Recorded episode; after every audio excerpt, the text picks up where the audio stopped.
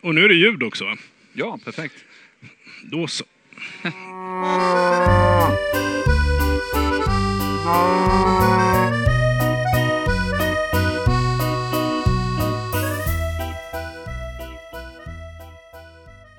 Så har det blivit dags för date nummer två från mina live sessions på Ostfestivalen i Stockholm.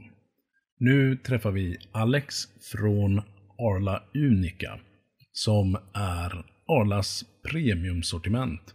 Och det är ingen idé att jag säger så mycket mer nu, för att vi tar oss igenom det mesta i det samtal som följer. Eh, men eh, då säger jag så här att eh, det här är Ostpodden. Live från Ostfestivalen på Münchenbryggeriet i Stockholm. Jag är Johan och framförallt så är du Alex. Jajamän. Och jag tänker så här, du får en minut och eh, ge kortversionen av eh, dig och vad du sysslar med till att börja med. Oh, tack. Eh, som sagt, mitt namn är Alex och eh, jag har eh, förmånen att få arbeta med eh, Arla Unica. Så att, jag är ansvarig för Arla Unica som är Arlas eh, ja, flaggskeppsprodukter. Så att, jag är ansvarig för, för Arla Unica och jobba jobbar med produkterna som eh, både finns i Danmark och här i Sverige. Och eh, det är mycket hantverksproducerade ostar på olika Arla-mejerier som eh, produceras och säljs framförallt till restaurationsbranschen och i, kommer säljas i olika ostbutiker och specialbutiker. Okej. Ja, för jag hade inte hört talas om Unica förrän jag gjorde mitt förra poddavsnitt faktiskt. Mhm. Och träffade Ulf Wagner på Sjömagasinet. Mm. Eh, han var väldigt positiv till ostarna. Vad roligt att höra. Ja. Och eh, ja, nu tror jag du har gett mig lite grann eh, om konceptet väldigt snabbt. Men det har alltså egentligen bara funnits på restauranger Ja. här i Sverige. Det har det. Så Mm. Vi började för ungefär ett och ett halvt år sedan att eh, fråga olika restauranger eh, och till dagens datum så har vi ungefär 15-20 kunder som eh, får se att finns det intresse i Sverige för, eh, för Arla Unicas produkter och Mm. det har vi fått och det känns jättebra. Sjömagasinet och Ulf har varit en, en av, är en av våra kunder och vilket känns väldigt roligt. Ja. Så att, och det känns jättekul att jobba med dem och de andra kunderna. Och det har gett oss eh, ett stort intresse och vi, det har gjort att vi nu här 5 mars kommer öppna en eh, flaggskeppsbutik i Östermalmshallen och eh, kommer sakta men säkert ta på lite fler restaurangskunder som vi kommer erbjuda våra Arla Unica-ostar till. Okej. Ja, jag tänker vi kommer lite till den här, era flaggskeppsbutiker lite längre Ja. fram. Men ja, som du har varit inne på, det här unika sortimentet då, och det heter alltså Unika och inte Unika. Ja, det heter Arla Unica. Ja, vi var inte riktigt, eller vi var ju överens om att det hette Unika i förra poddavsnittet, men då har vi fått det löst också. Och båda funkar jättebra. Ja. Jo, ostarna är goda oavsett i alla fall. Men ehm, nu är vi ju här Mm. på Ostfestivalen. Yes, Och det är här vi hyllar svensk ost. absolut. Så, eh, och den ost som ni eh, bland annat har här nere och säljer, det är ju en ost som heter Hallands himmel. Helt riktigt. Och eh, den är från Kvibille. Ja. Och för mig så är det, och för många tror jag, så är det väldigt mycket gräddädel och Kvibille cheddar. Mm. Eh, och det känns ganska storskaligt också. Nu är väl kanske Kvibille kanske är ett litet storskaligt mejeri. Är det rätt? Ja, men det skulle man kunna säga. Det är ett av Arlas mindre mejerier, ligger i, i härliga Kvibille och mjölken kommer från halländska gårdar. Ehm, och eh, där producerar vi Hallands himmel som är en Arla Unica-ost. Och eh, den produceras i deras försökstank som är på 1000 liter mjölk, så väldigt liten eh, li, tank kan man säga. Ja, den är ju mindre än vad flera av gårdsmejeristerna Ja. ystar i till vardags. Så att den är väldigt liten och eh, där eh, produceras den utifrån ett, ett eget recept. Eh, där osten är lagrad totalt sju månader. Ja. Där den i, börjar lagras i tio veckor. i en hög temperatur, så på en 10 grader, så att den får verkligen frodas och den här härliga umami-smaken kommer fram. Mm. Och eh, efter de här 10 veckorna så, eh, och den tvättas inte som alla andra ädelostar i kvibille gör, så att de har den här fina vita ytan. Ja, det är därför de... För det funderar jag på. Jag såg någon bild från det stora ostlagret där. Mm. Och då slog det mig att de är ju väldigt Ja, så där vita Ostmästaren går och tvättar ostarna, men det gör man inte med Hallands himmel, utan den får ligga där naken i, i ostrummet i den här härliga temperaturen på 10 grader, vilket är rätt högt för att lagra ost i. Och efter tio veckor så paketerar man och sen så lagrar vi den i eh, 15 veckor mer vid en 2-4 grader för att den ska dehydrera. Det vill säga att den eh, tappar lite vatten så att den får mer fett och protein kvar procentmässigt vilket gör att den, den blir lite som en, som en osttryffel. Alltså att när du får in den i gummen så löser den härligt upp sig och eh, du får den här härliga umami-smaken och rund och krämig. Ja, men det, jag- det, för jag åt ju Hallands himmel i rent studiesyfte här för några dagar sedan. Jag har inte gjort det idag, men det kommer jag väl att göra misstänker jag. Det hoppas jag. Ja. Och jag tyckte ju den var riktigt... Jag tycker ju vanliga, vanliga gräddädel också är en, en ost som står sig väldigt bra. Men Hallands himmel tyckte jag var väldigt, väldigt bra. Och just det här som du säger att den, den var ju lite torrare Mm, ända tills man har liksom börjat äta den. exakt. Och det här dehydrering, Mm. det har du pratat om när vi har pratat innan Ja, vid flera tillfällen. Eh, att ni jobbar med det. Kan du ta det lite, lite mer på djupet? absolut. Det är ju kunskapsscenen det här trots allt. Ja, alltså dehydrering det är ju en, alltså det är ju egentligen uttorkning. Så att eh, man kan också rehydrera, men om vi startar med dehydrering, det är ju att man eh, egentligen eh, efter osten är gjord, man torkar ut den, det vill säga det, vatten försvinner så att procentuellt så blir det mer fett och protein kvar och det är egentligen det härliga i osten. Eh, och det är därför den eh, härligt löser upp sig och får en härlig rund smak. Eh, och det är mycket utifrån, vad ska man säga, Inom köttbranschen, där har man ju hängmörat och det är ju egentligen Ja. samma teknik. Att man, man har den här smakkomprimerar kan man säga. Eh, och det är ju, när du dehydrerar så gör du egentligen att du får, säg att Hallands himmel, den startar som 3 kilo. När vi har dehydrerat den så tar vi bort cirka 10 procent. Vilket många tycker är tråkigt för plötsligt har du en mindre ost Ja. vilket gör att eh, ja, du har tappat vikt. Eh, men vi tycker att det är positivt för du får mer smak. Så att, det tycker vi är väldigt positivt, att du komprimerar smakerna och så får du en härlig konsistens.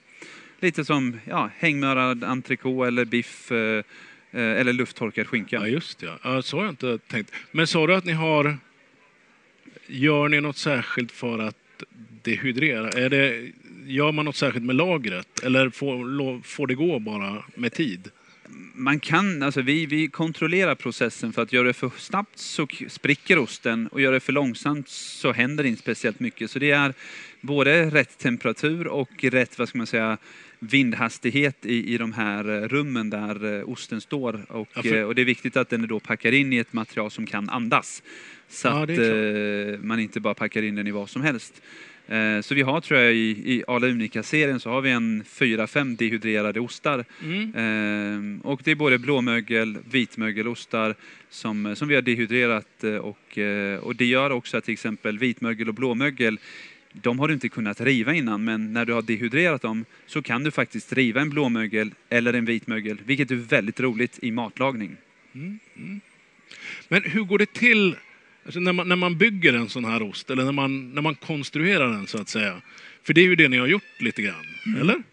Ja men det är det och eh, någon, alltså, det första den hydreringen det var att faktiskt av misstag och det är mycket det som Arla Unica är. Det är Arlas eh, resa där vi lär oss saker och eh, den första osten var där vi hade en vitmögelost i vårt mejeri i Trollhede där den packades in i ett eh, pergamentpapper som det heter och så glömdes den egentligen i det pappret och sen upptäckte man att men den har blivit lite torr, vad spännande. Och sen så börjar man att titta, men hur, hur kan vi göra det här i mer kontrollerad form? Så egentligen var det det här misstaget att man hade packat den i det här pergamentpappret för man hade inte vanligt ostinpackningspapper kvar. Och så blir det- pergamenten är mer genomsläppliga? Ja, exakt. Ah, Så den okej. gör att Mm. pergamentpappret genomsläpper och det blir att osten dehydrerar i det. Och eh, genom det misstaget så börjar vi arbeta med dehydrering och eh, nu efter 5-7 år så har vi en del ostar i det och eh, tycker det är väldigt spännande för att eh, det blir mer kompakta smaker och eh, ja, lite roligare användningsområden med de ostar. Mm. Plus att du kan rehydrera osten, vilket är ännu roligare. Och hur gör jag? Då ställer jag fram den fuktigt eller vad? Eh, Hur, det eh, du, många, vad ska man säga, att eh, det du gör är att eh, för när du dehydrerar så tar du bort vatten och eh, vi rehydrerar med alkohol. Så att eh, du lägger den i en eh, vakuumpåse med eh, cirka ja, 40 eh, centiliter alkohol. Vakuumerar osten, vilket gör att då suger osten in alkoholen och eh, låter den stå i kylskåp i cirka två veckor. Packar upp den, lägger den på en ehm, ja, en plåt så den får andas i, i, och torka i två dagar och sen är den klar. Eh, och där får du då en ost där du egentligen har tagit bort vatten och så har du infuserat den med, som vi gör på en ost som heter Sirius, där vi infuserar med whisky. Eh, och så får du en ost som eh, smakar helt annorlunda och får härliga fruktnoter och eh, söta smaker. Vad gör ni med spriten som blir kvar? Eh, den, eh, ja, den försvinner så att den, eh, den Ja. det vet Mm. faktiskt inte. Nej, ni kan skicka den till mig, tänkte jag. Det Jag låter ska, gott, Jag ska fråga. för då är det ostsmaksatt sprit. Och det Absolut. känns- Hallands himmel kom för några år sedan. Den kom, eh, lanserades eh, hösten 2018 när vi, vad ska man säga, gick in i Sverige och eh, approachade de här eh, 15-20 restaurangerna.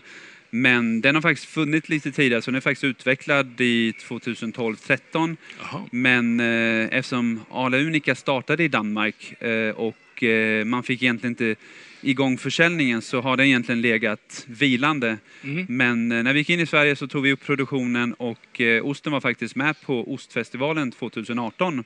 Det var inte bara med, eller hur? Nej, och eh, det roliga var att vi hade inte lanserat den så att vi visste inte att den var med. Så att, och den gick faktiskt till och med och vann eh, årets innovativa ost. Eh, och vi var tvungna att, vad ska man säga, att, ja, lägga på locket lite grann för att vi ville ju lansera den i september. Så att det var väldigt kul men samtidigt ett litet antiklimax. Ja, ja, det är klart. Men vad, vad var innovationen? Vet du det? Eller, Jag tror att det var en ny ost på den svenska marknaden. Att, Ja. eh, man hade inte sett den innan så att ingen visste vad Hallands himmel var utan det var en helt ny ost som eh, och det är väldigt roligt att eh, domarpanelen tyckte att den var väldigt god. Ja, det är klart. Eh, och eh, nu har du med dig... Nu gör du samma sak igen i år, va? Absolut. För nu har du med dig något nytt som inte heller är släppt. Det är helt riktigt. Vi har med en ost som heter Unica 99 som är från eh, Östersunds mejeri. Mm. Det är en eh, greenpeeper ost som är gjord på samma sätt som hushållsost men med olika andra kulturer och en annan lagring.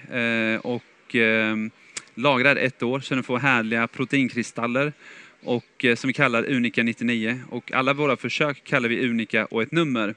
Och det är för att se att vi tycker den är bra men gillar konsumenterna det och kunderna det. Det tycker vi är det viktigaste. Så får vi bra positiv respons så kommer vi vara jätteglada. Och så kommer vi förhoppningsvis lansera den inom ett till två år.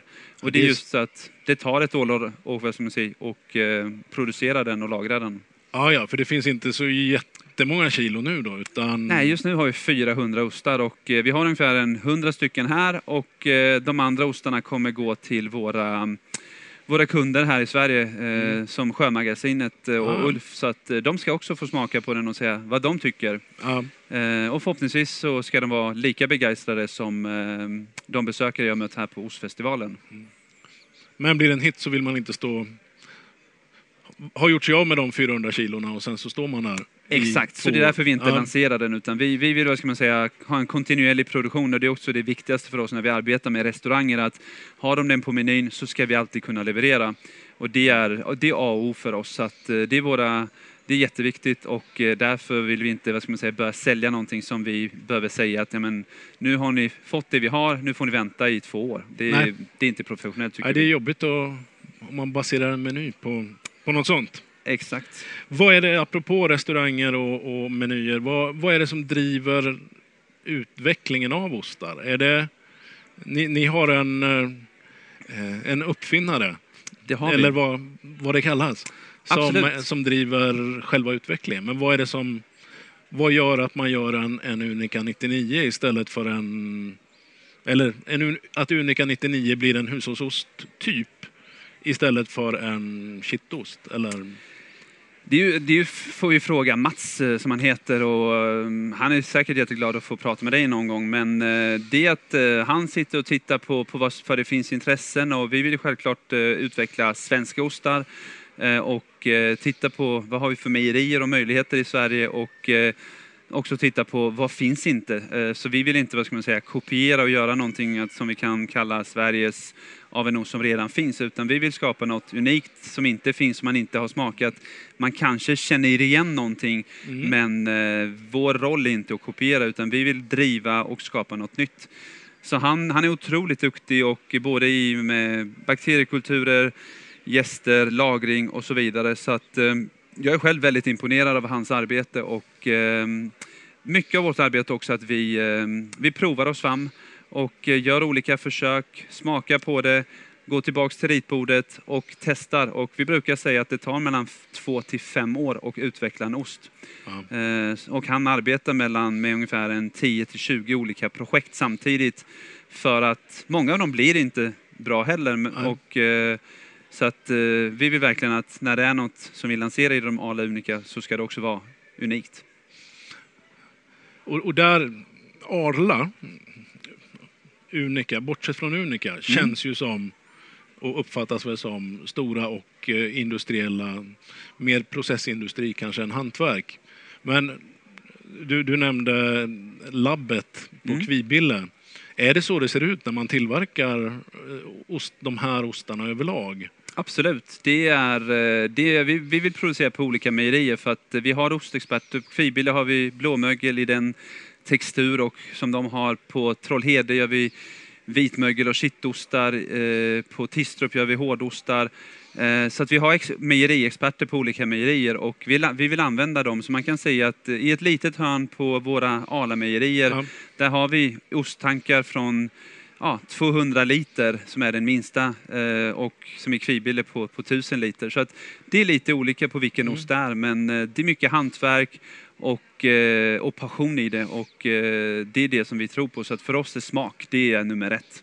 Ja, nej, och det är ju, jag pratade med Ola som är på Kalmar Mejeri och det var precis vad han sa också, att Mm. smak först Yes. och, och sen tillverkningsmetod och, och volym sen. Det är ju Mm. kanske inte det, väsentliga. Nej, och egentligen. in, inte för oss i alla fall. Och det är därför, vad ska man säga, vi är en del av Arla. Man kan, ska, som man ska jämföra med oss så kan man säga att vi är Arlas Formel 1-team. Mhm. Det ska inte vara stora volymer. Vi ska göra de, de häftiga sakerna och eh, prova och eh, vår ambition det är, inte, det är inte någon storskalighet utan vi är jätteglada för de som gillar oss och eh, vi har ingen ambition heller att gå ut i, i brett i eh, dagligvaruhandeln utan vi vill kunna sälja till eh, ja, framförallt restaurationsbranschen och eh, specialbutiken där man kan få den här personliga betjäningen, hjälpen över disken så man verkligen är 100% säker att man vet vad man tar med sig hem.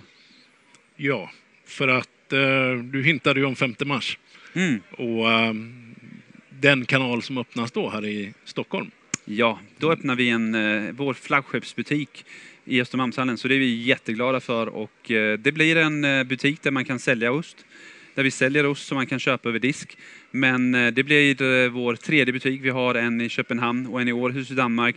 Men den här blir med det tredje benet som är, vi kallar Make the products come to life. Det vill säga att vi kommer ha en restaurang, kafédel med eh, fulla alkoholrättigheter där vi ska servera olika former av osträtter, där vi, vi tror att många serverar ostbrickor men eh, det jag och vi tycker är väldigt spännande det är hur kan man göra osträtter, det vill säga där osten är huvudingrediensen i mat. Ja, Eh, och, där tycker, och där har vi många jätteduktiga kockar som, eh, som gör det och där vill vi vara med och inspirera både kockar och konsumenter till att kunna använda ost eh, mer i matlagning som huvudingrediens och inte bara som att en liten rivning eller på en paj eller vad det nu är. nej, nej, precis.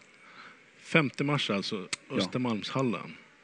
Men, ja just det, du, du jobbar i Danmark. eller? Jag, Är baserad på, i Danmark, jag är baserad eller? i Danmark, men eh, jag är väldigt ofta i Sverige, så Ja. jag är lite, lite överallt. Så jag har Mm. ett team i Danmark och jag har ett team i Sverige. Och eh, som, ja, så vi jobbar just nu med de här två, Ja. båda länderna. Men jag tänker, vad, vad tycker danskarna om svensk ost? Tycker de någonting eller? eh, ja men absolut, Hallands himmel är väldigt populärt men eh, det som finns inom ost är framförallt eh, frukostostar är väldigt olika. Mm. Är som att fråga en svensk, gillar du dambost? Den här som lite luktar fötter och är Mhm, lite mjuk. mhm. Inte jättepopulärt i Sverige och det är lite detsamma med våra svenska klassiker som är till frukostbordet i Danmark. De är inte heller populära men när det kommer till dessertostar så, eh, så har vi sett att då funkar de i båda länderna och de funkar också till eh, Sydeuropa. Eh, och det kommer många från Frankrike, Italien, USA till våra butiker i framförallt Köpenhamn där vi är i torghallarna och förhoppningsvis i Östermalmshallen. Och där ser vi att de gillar våra ostar både från Danmark och Sverige så att, eh, det är ju jätteroligt. Ja, jag tänker vi har ju en hel massa eh, mejerister, stora och små, här nere. Och svensk ost står sig ju rätt bra. Vi har ju flera medaljörer från ost-VM, tror jag, som finns här nere. Och, Absolut. Eh, så att, eh, ja, jag förstår att det inte bara är Danmark då, Mm. utan Europa. Vi kanske ska ta och runda av. Eller? Har jag glömt något?